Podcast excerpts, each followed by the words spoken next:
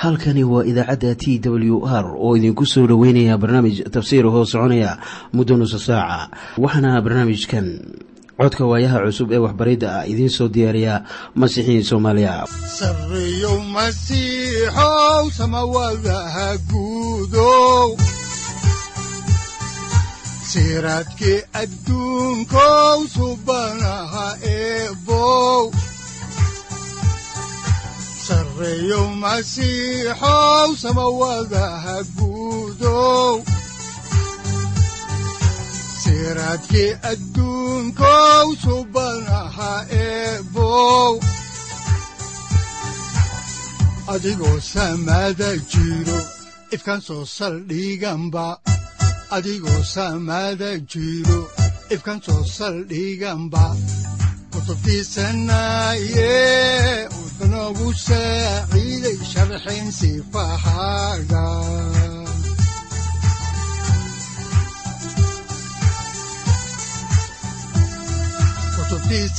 tubtiisinayow ebanagu saaciid sharxin sifahaaga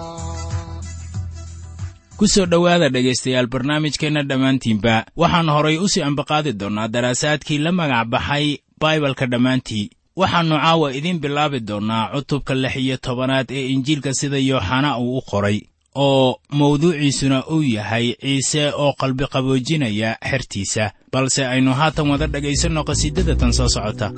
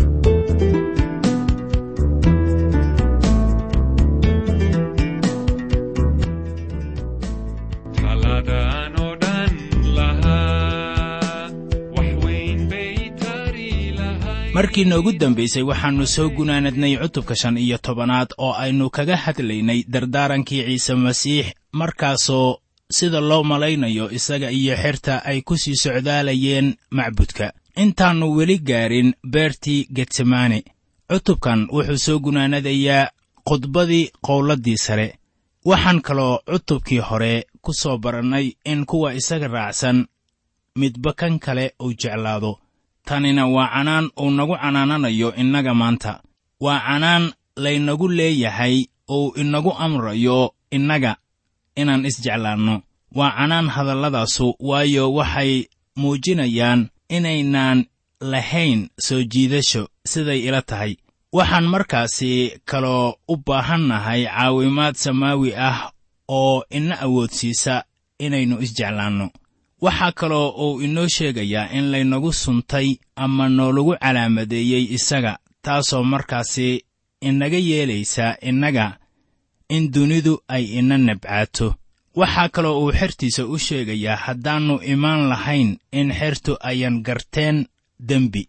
Ulama jeedo taas inaanay dembi lahayn laakiin ilaa iyo intuu yimid dembiyadoodii shakhsi ahaaneed aan haatan la arag.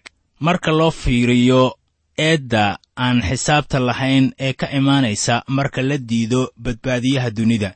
Iyo sayidka ammaanta ma ahan oo keliya in kuwa raacsan ay helayaan abaalmarin xagga samada ka imaanaysa. Laakiin waxaa kaloo kuwa diida ay la kulmayaan ciqaab cadaabeed.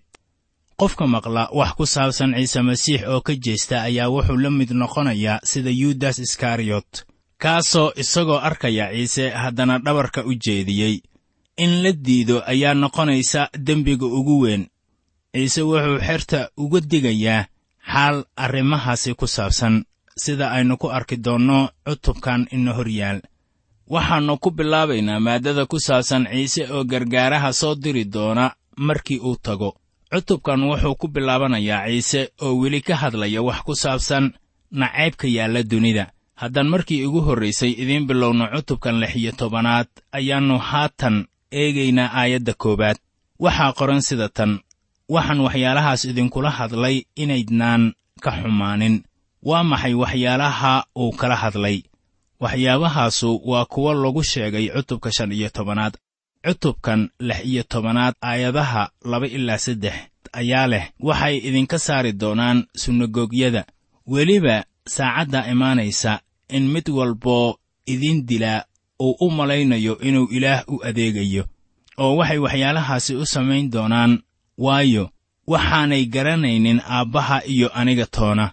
Sayidku ma uusan doonayn in rasuullada la aflagaadeeyo ama lagu xumeeyo waxa ku dhacaya goordhow haddaba waxaa lagu yaqaan firqooyinka u waaweyn ururada khaasatan diimaha ayaa waxay dadka ama ururadooda u sheegaan in mustaqbalku uu wanaagsanaanayo qaabka dunida ay u shaqaysa waxa weeye iyagoo adkaynaya faa'iidada. Laakiin aan innaba ka hadlaynin khatarta ay leedahay in iyaga la raaco. Haddaba sayidkeennu aad buu uga duwanaa kuwaas iyadoo ay dhab tahay sida ku qoran cutubka afar iyo tobanaad ee ah in sayidka uu u tegayo inuu meel inoo soo diyaariyo iyo inuu ina qaabilayo. Ayuu haddana shaaca ka qaadayaa haddii aan raacno. Waxaa qasab ah inaan wax kasta ee kale ka harno. Waxaan horay u soo aragnay in ciise uu yidhi dawacooyinku waxay leeyihiin godad ay ku hoydaan shimbirihuna waxay leeyihiin buulal ay galaan. Laakiin wiilka aadanaha ma haysto meel uu madaxiisa dhigo. Waxaa kaloo uu yidhi haddii aynu innaga doonayno inaan isaga raacno waa inaan soo qaadannaa iskutallaabteenna laakiin ma ahan iskutallaabtiisa waa inaan teenna qaadanno oo aan soo raacno isaga.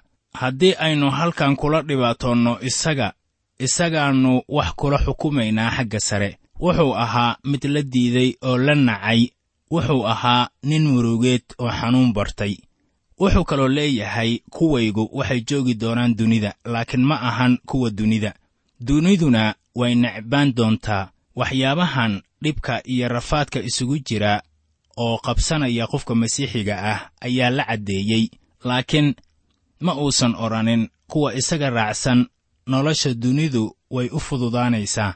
Waxaa haddaba dunida ka jira waxyaabo qaali ah oo runtuna way ka sii fogaanaysaa. Waxaa jira waxyaabaha qaar aynu adkayno laakiin marka hore waa inaan diiradda saarnaa hadalka ilaah. Yaanay nala noqonin inaan dad badan ku helayno haddii aan fikirradeenna isticmaalno. Waxaa markaasi innaga danteennu ay tahay inaan walaalaha aan maqal. Masiixa ay fursad u helaan inay maqlaan wax ku saabsan badbaadiyaha dunida. Haddii aad tahay nin masiixi ah waxaa kaa hor imaanaya khibrad la mid ah tii masiixa uu arkay ee lagu tusay nacayb iyo takoorid waxaa ciise masiix uu leeyahay iminka waxaan waxyaalahaasi idinkula hadlay inaydnaan ka xumaanin wuxuu uga digayaa intaanay weli dhibka arag waxa ku soo socda si markaasi uu u sii adkeeyo oo uu u garansiiyo waxa imaan doona. Jacayl dhan buu ku jeclaaday kuwiisa wuxuuna ka yeelay inuu la joogo wuxuuna fahamsan yahay waxa ay la kulmi doonaan. Wuxuu garanayaa inay jirayso wakhti ciise dartii loo xumaynayo kuwa raacsan ama xertiisa ah. Wuxuu kaloo garanayay in isla habeenkaasi uu butros dafiri doono isaga. Wuxuu xertiisa u sheegayaa waxa dhici doona si uu iyaga u dhiirigeliyo oo uu u garansiiyo inuu waxyaalahaasi oo dhan uu ka gudbi doono. Wuxuu u sii sheegayaa inay mas'uuliyadda ilaah saartaan. Wuxuu leeyahay waxay idinka saari doonaan sunagogyada waxaana taasi ay ka dhigan tahay in laga ceerin doono goobaha wax lagu caabudo maalintaas ayaa in sunagogyada laga eriyo waxay ka dhigan tahay karantiil kii ugu xumaa haddaba nimankan qiimi bay ugu kacaysaa inay u istaagaan sayid ciise masiix. Waxaa la hubaa in wadaaddadu ay faquuqayaan. Saaxib waxaa si aan leexleexad lahayn aan kugu sheegayaa in haddii aad masiixa u sare joogsato intaasu ay qiimi kugu kacayso. Waxaa markaa haatan ciise tixraacu ku samaynayaa halka nacaybkaasu uu ka imaanayo ama waxa sababaya. Waxaa markaasi uu leeyahay waayo iyagu garan maayaan aabbaha iyo weliba aniga ciise ah. Taasuna waa sababta dunida ay ku necab tahay hadallada ilaah waana sababta dunida ay u necab tahay masiixiga dhabta ah haddaan horay idinku sii ambaqaadno injiilka sida yooxana uu u qoray cutubka lix iyo tobanaad aayadda afaraad ayaa waxaa qoran. Laakiin waxaan waxyaalahaas idinkula hadlay in markii saacaddoodu timaaddo aad xusuusataan inaan idin sheegay. Tan iyo bilowgii waxyaalahaas idinkalama hadlin maxaa yeelay waan idinla joogay. Wuxuu haatan ogaysiinayaa waxa imaanaya wuuna u carbinayaa xaalkaasi soo socda sayidka mar waliba wuxuu inoo diyaariyaa ama inoo carbiyaa waxa inagu soo socda saaxib. Waxaan garanayaa in ilaah uu u carbiyo dadkiisa dhibaatooyinka ku soo fool leh si ay kaga gudbaan. Haddaan horay idinku sii wadno injiilka yooxanaa sida uu u qoray cutubka lix iyo tobanaad aayadda shanaad waxaa qoran sida tan. Laakiin hadda waxaan u tegayaa kii i soo diray midkiinna i weyddiin maayo xaggee baad tegaysaa waa run in simon butros uu weyddiiyey meesha uu ku socdo laakiin butros wuxuu weyddiinayaa su'aal ku saabsan ilmaha yar. Wuxuu haatan leeyahay ma jiro qof igala hadlay waxa dhici doona ma jirin qof xikmad leh oo garaad rabbaani ah leh. Aayadda lixaad ayaa ciise uu ku leeyahay waxyaalahaasi aan idinkula hadlay aawadood qalbigiinna murug baa ka buuxsantay haddaba raggan waxaa ka buuxsamay murugo ka gadaal markii ay u xaqiiqowday inuu ka tegayo saaxib waxyaabaha caynkaas ah waa inaan ka dheeraannaa oo ma ahan in marxaladaha adag aynu ka welwelno. Waa inaan yeelannaa adkaysi iyo rumaysad ah inaan marxaladaha adag kaga gudbayno caawimaadda masiixa. Kuwo badan oo masiixiyiin ah ayaa u dhaca ama u fudud inay u dhacaan khibradaha ad adag dadka qaar baa waxaa ka adkaada khibrado ay kala kulmaan kiniisado ama shakhsiyaad. Markaasay ilaah ka tagaan markaana loo qaadan maayo qofkaasi carooday aawadiis in kiniisaddu ay tahay meel aan habboonayn tegisteeda. Waxaa kaloo jira kuwo badan oo qof ay jeclaayeen uu ka dhintay oo had iyo goorba murugoonaya. Haddaba taasu ma ahan wax habboon ma ahan in murugtu ay inaga adkaato haddaan horay idinku sii wadno injiilka sida yooxanaa uu u qoray cutubkiisa lix iyo tobanaad ayaan akhrinaynaa haatan aayadda toddobaad. Waxaa qoran sida tan laakiin runta ayaan idiin sheegayaa. Waxaa idiin roon inaan tago. Haddaanan tegin gargaaruhu idinma imaan doono. Laakiin haddaan tago waan idiin soo diri doonaa. Wuxuu halkan ku leeyahay ciise masiix waxaa idiin roon inaan tago. Marka dhanka kale laga eego tegista uu tegayo way wanaagsan tahay. Maxay haddaba u wanaagsan tahay in sayidku uu tago? Taasu waxay leedahay dhowr asbaab. Waxaanan idin xaqiijinayaa inaad qaar asbaabahaasi ka mid ah aad garanaysaan. Mid ka mid ah asbaabahaasi waxa weeye in ujeeddooyinkii oo u yimid dunidan ay tahay inuu dhinto. Waxaa ku qoran injiilka sida maarkos uu u qoray cutubka tobanaad aayadda afartan iyo shanaad sida tan waayo wiilka aadanuhu uma imaan in loo adeego laakiin inuu adeego iyo inuu naftiisa dad badan furashadooda u bixiyo. Markii tanu ay dhammaatay wuxuu dib ugu noqday aabbaha waayo wuxuu soo dhammeeyey hawshii loo diray inuu sameeyo.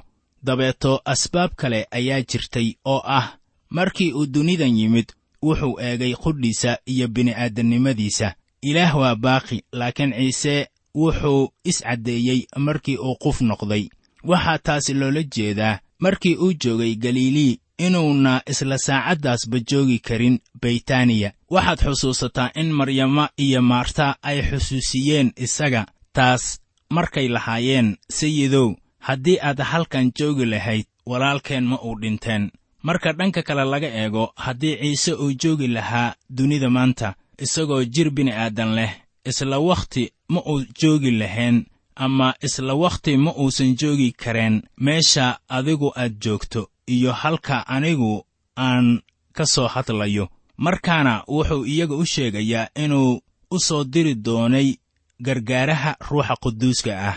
Ruuxa quduuska ah wuxuu joogaa meel waliba saacad waliba. Iminka adiga wuu kula joogaa anigana wuu ila joogaa. Ciise wuxuu leeyahay tan baa idin wanaagsan waana inuu soo diro gargaaraha ruuxa quduuska ah. Wuuna inoo imaanayaa ou inagu dhex noolaanayaa markii ruuxa quduuska ah u yimaado wuxuu samayn doonaa howlo fara badan. Oo mid ka mid ah ayuu ciise masiix inoogu sheegayaa aayadaha siddeed ilaa kow iyo toban. Waxaana qoran sida tan. Isagu markuu yimaado wuxuu dunida ku caddayn doonaa xagga dembiga iyo xaqa iyo xukunka xagga dembiga waayo way u rumaysan waayeen. Xagga xaqana waayo aabbahan u tegayaa imana arki doontaan mar dambe. Xagga xukunka waayo kan madaxda dunida ah waa la xukumay. Haddaba erayga ah xukumay ayaa micnaha asliga ah uu noqonayaa eedeeyey ama la eedeeyey. Haddaba waxaan garanayaa in eraygaasi uu ka micno yahay eedeen. Wuxuu dunida ku soo oogi doonaa dacwad si la mid ah sida xaakinka amase wakiillada sharciga ay xaqiiqooyin ula yimaadaan si ay xukun dusha uga saaraan qofka eedaysanaha ah. Haddaba ruuxa ilaah wuxuu doonayaa inuu caddaymo keeno niyadaheenna iyo qalbiyadeenna si markaasi aynu u garanno inaynu nahay eedaysanayaal. Marka waa qasab inaynu eed ka dareenno xagga niyadaheenna intaynan rumaysad iyo kalsooniba aynan saaran ciise masiix. Hawsha iminka uu qabanayo ruuxa ilaah ayaa ah inuu dunida ku eedeeyo dembiga xaqnimada iyo xukunka. Sayidkeennu wuu inoo sharaxayaa waxa dembiga laynagu caddaynayo uu yahay. Xagga dembiga laysku oogayo waxa weeye inay dadka rumaysan waayeen masiixa. Waa maxay haddaba dembiga ugu weyn ee dunideenna? Ma kan gacan ku-dhiiglannimadaba maya haddaba qarnigeenna yaa la odhan karaa waa dembiilayaasha ugu waaweyn. Haddaba waxaa isla markiiba nagu soo dhacaya shakhsiyaad sumcad xumo lagu yaqaan sida hitler stalin amase karl markas ama mafiyada. Waa hagaag yuu yahay dembiilaha ugu weyn qarnigeenna. Waxaan si taxadir leh kuu leeyahay adiga qudhaada ayaa ah dembiilaha ugu weyn ee dunida jooga waxaadse odhanaysaa war ka joog war anigu ma ahi dembiile oo waxaan ahay nin sharciga dhowra oo waddani ah. Su'aashu waxay noqonaysaa miyaad rumaysatay masiixa? Rumaysadarridu waxay kuu noqonaysaa xaalad aan dawo lahayn. Haddii aad diiddo inaad ku kalsoonaato masiixa waxaa qoran xagga dembiga waayo way i rumaysan waayeen. Haddii aadan ku kalsoonaanin masiixa ayaa waxaa hubaal ah inaad lumayso. Haddaba dhegaystow sidaa u garo oo la soco. Waana ahmiyad ballaaran tahay in lagu kalsoonaado masiixa. Waana go'aan adag in qof waliba uu gaadho dadka maanta qof waliba ee uu yahay haddii uu diidan yahay masiixa ayuu ilaah hortii ka noqonayaa dembiilaha ugu weyn. Waxaad xusuusataa in ciise uu yidhi sida ku qoran injiilka sida yooxanaa uu u qoray cutubka shan iyo tobanaad aayadda laba iyo labaatanaad sida tan. Haddaynan imaan oo aanan la hadlin dembi ma ay lahaadeen. Laakiin hadda dembigooda marmarsiinyo uma haystaan. Qof waliba ee maqla injiilka ayaa mas'uul ka noqonaya natiijada ka timaada go'aankiisa ku saabsan masiixa. Haddii uu diido waxaa hubaal ah inuu noqonayo dembiilaha ugu weyn. Haddii uu aqbalana wuxuu qofkaasu helayaa abaalmarin tan labaad wuxuu xukumayaa dunida xaqa ah. Ciise masiix waxaa loo bixiyey xadgudubyadeenna waxaana loo sara kiciyey xaqnimadeenna. Sida ku qoran warqaddii rasuul bawlos uu u qoray dadka rooma cutubka afaraad aayadda shan iyo labaatanaad. Ciise masiix wuxuu ku noqday aabbaha waayo wuxuu dhammaystiray hawshii laga doonayey ee uu halkan ka hayey markii uu ku dhintay iskutallaabta wuxuu dhintay dhimasho xukun ah wuxuu qaaday eeddii iyo dacwadii laynoo haystay. Wuxuuna galay booskeenna. Waxaa isaga loo bixiyey furashadeenna laakiin waxaa loo sara kiciyey xaqnimadeenna. Waxaa loo sara kiciyey si aniga iyo adiga aan laynooga dhimin dembi oo keliya laakiin in xaqnimadiisa laynagu daboolo. Taasina way muhiimad ballaaran tahay waayo aniga iyo adigaba waxaynu u baahan nahay xaqnimo. Ma ahan in aynu u baahan nahay oo keliya in dembiyadeenna la cafiyo.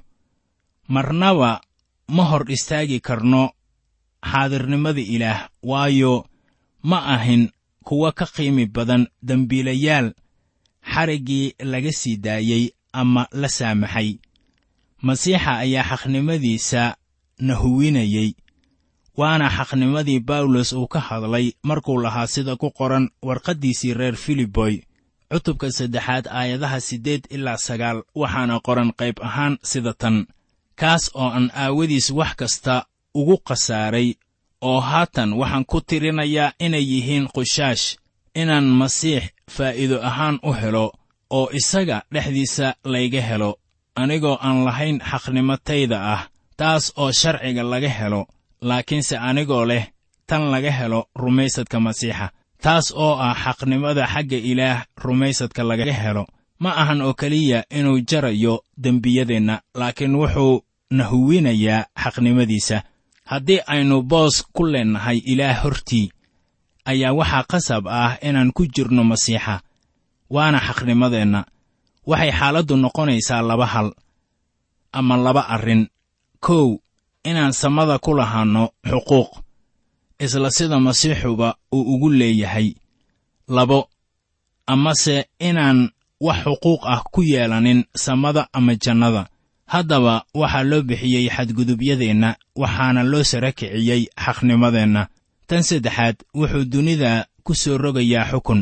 Haddaba tanu ma waxay ka micno tahay in dunidu xukun lagu soo rogo maalin maalmaha ka mid ah? Maya oo aayaddani sidaas looma fasiro. Waxaa kaloo qoran xagga xukunka waayo kan madaxda dunida ah waa la xukumay. Waxaa tanu ay ka micno tahay in la xukumay amiirka dunida oo ah shayddaanka marka waa wax dhib badan inay masiixiyiinta qaar fahmaan in ay dadku ku nool yihiin duni la xukumay. Dadka qaar baa leh wakhtigeenna ayaan qaadanaynaa oo waxay wax u samaynayaan sida kuwa maxkamad saaran. Saaxiibayaal maxkamad ma saarnidiin oo horay baa lagu xukumay sida ku qoran warqaddii rasuul bawlos uu u qoray dadka reer rooma cutubka lixaad aayadda saddex iyo labaatanaad. Oo leh waayo mushaaradda dembigu waa dhimashada laakiin hadiyaddii ilaah waa nolosha weligeed ah ee laga helo rabbigeenna ciise masiix. Waxaan haddaba ku noolnahay duni horay loo xukumay oo la mid ah nin sugaya wakhtigii tiirka la saari lahaa. Xukunka dhammaanteen na wada saaran waxa weeye eedda. Waayo xaqnimadeenna oo dhan waa sidii calal wasaq ah ilaah hortii haddii aynu ilaah hor nimaadno innagoo wadanna xaqnimadeenna lagu masaalay sida calal wasaq ah ma ahan inaynu isku xishoonayno oo keliya. Laakiin waxaannu arkaynaa sida aynu eedaysanayaal u nahay waxaad xusuusataa in bawlos uu u jawaabay si la mid ah duqii felikos ahaa. Markuu ka hadlayey ciqaabta imaanaysa oo taasuna waa ka nixisay maanta dad badan ayaan jecleen inay maqlaan xukunka ama xisaabta imaanaysa. Waxay ka xumaadaan wax badan. Dunidan lunsan way necab yihiin waxyaalaha ilaah. Waayo waxay ka soo hor jeedaan qaadirnimadiisa. Ma doonayaan xaqiiqada ah in carshigan weyn ee ballaaran uu isagu iska leeyahay oo uu u maamulo si waafaqsan rabitaankiisa. Welibana dooni maayaan inay maqlaan in ilaah uu ku badbaadiyey iyaga nimco oo dadkuna ay lumeen. Markaana saddexdii xaaladood ee aynu ka soo hadlaynay ayaa ah waxa ruuxa quduuska ah uu ku eedaynayo dunideenna maanta haddaan caawa intaasi ku ekayno tafsiirka injiilka ayaannu haatanna idinku boorinaynaa inaad go'aan ka gaartaan kooxda aad ku biiraysaan. Ma waxaad ku biiraysaan kuwa la xukumay mise waxaad ku biiraysaan kuwa nolosha ku helay masiixa? Go'aanka haddaba dhegaystow adigaa leh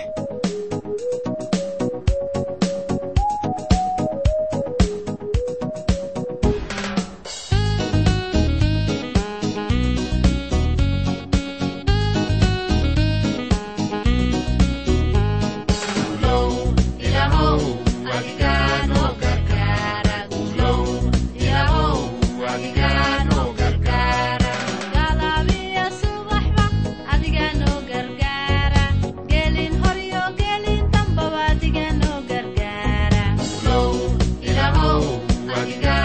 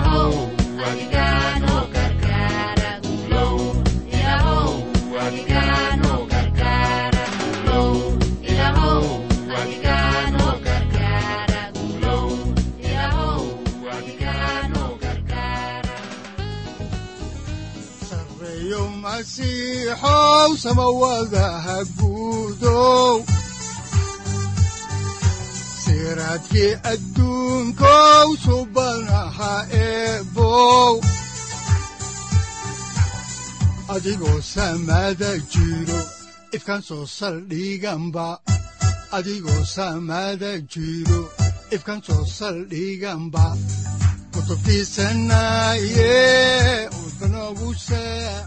halkani waa t w r idaacadda t w r oo idinku leh ilaa ha idin barakeeyo oo ha idinku anfaco wixii aad caawi ka maqasheen barnaamijka.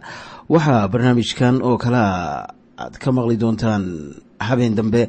Hadahan oo kale haddiise aad doonaysaan in aad fikirkiina ka dhiibataan wixii aad caawi maqasheen ayaad nagala soo xiriiri kartaan som t w r at t w r c o k e haddii aad doonaysaan in aad dejiisataan oo kaydsataan barnaamijka ama aad mar kale dhegaysataan fadlan mar kale booqo www t w r o r g.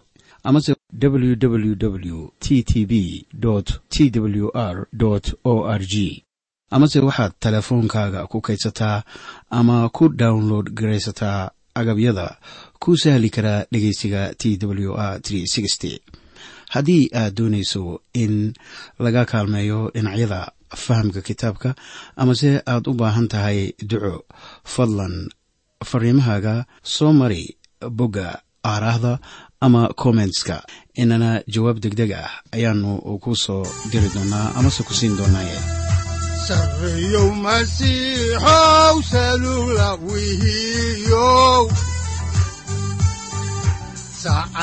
timid dhulka sabada ku dhalatiyo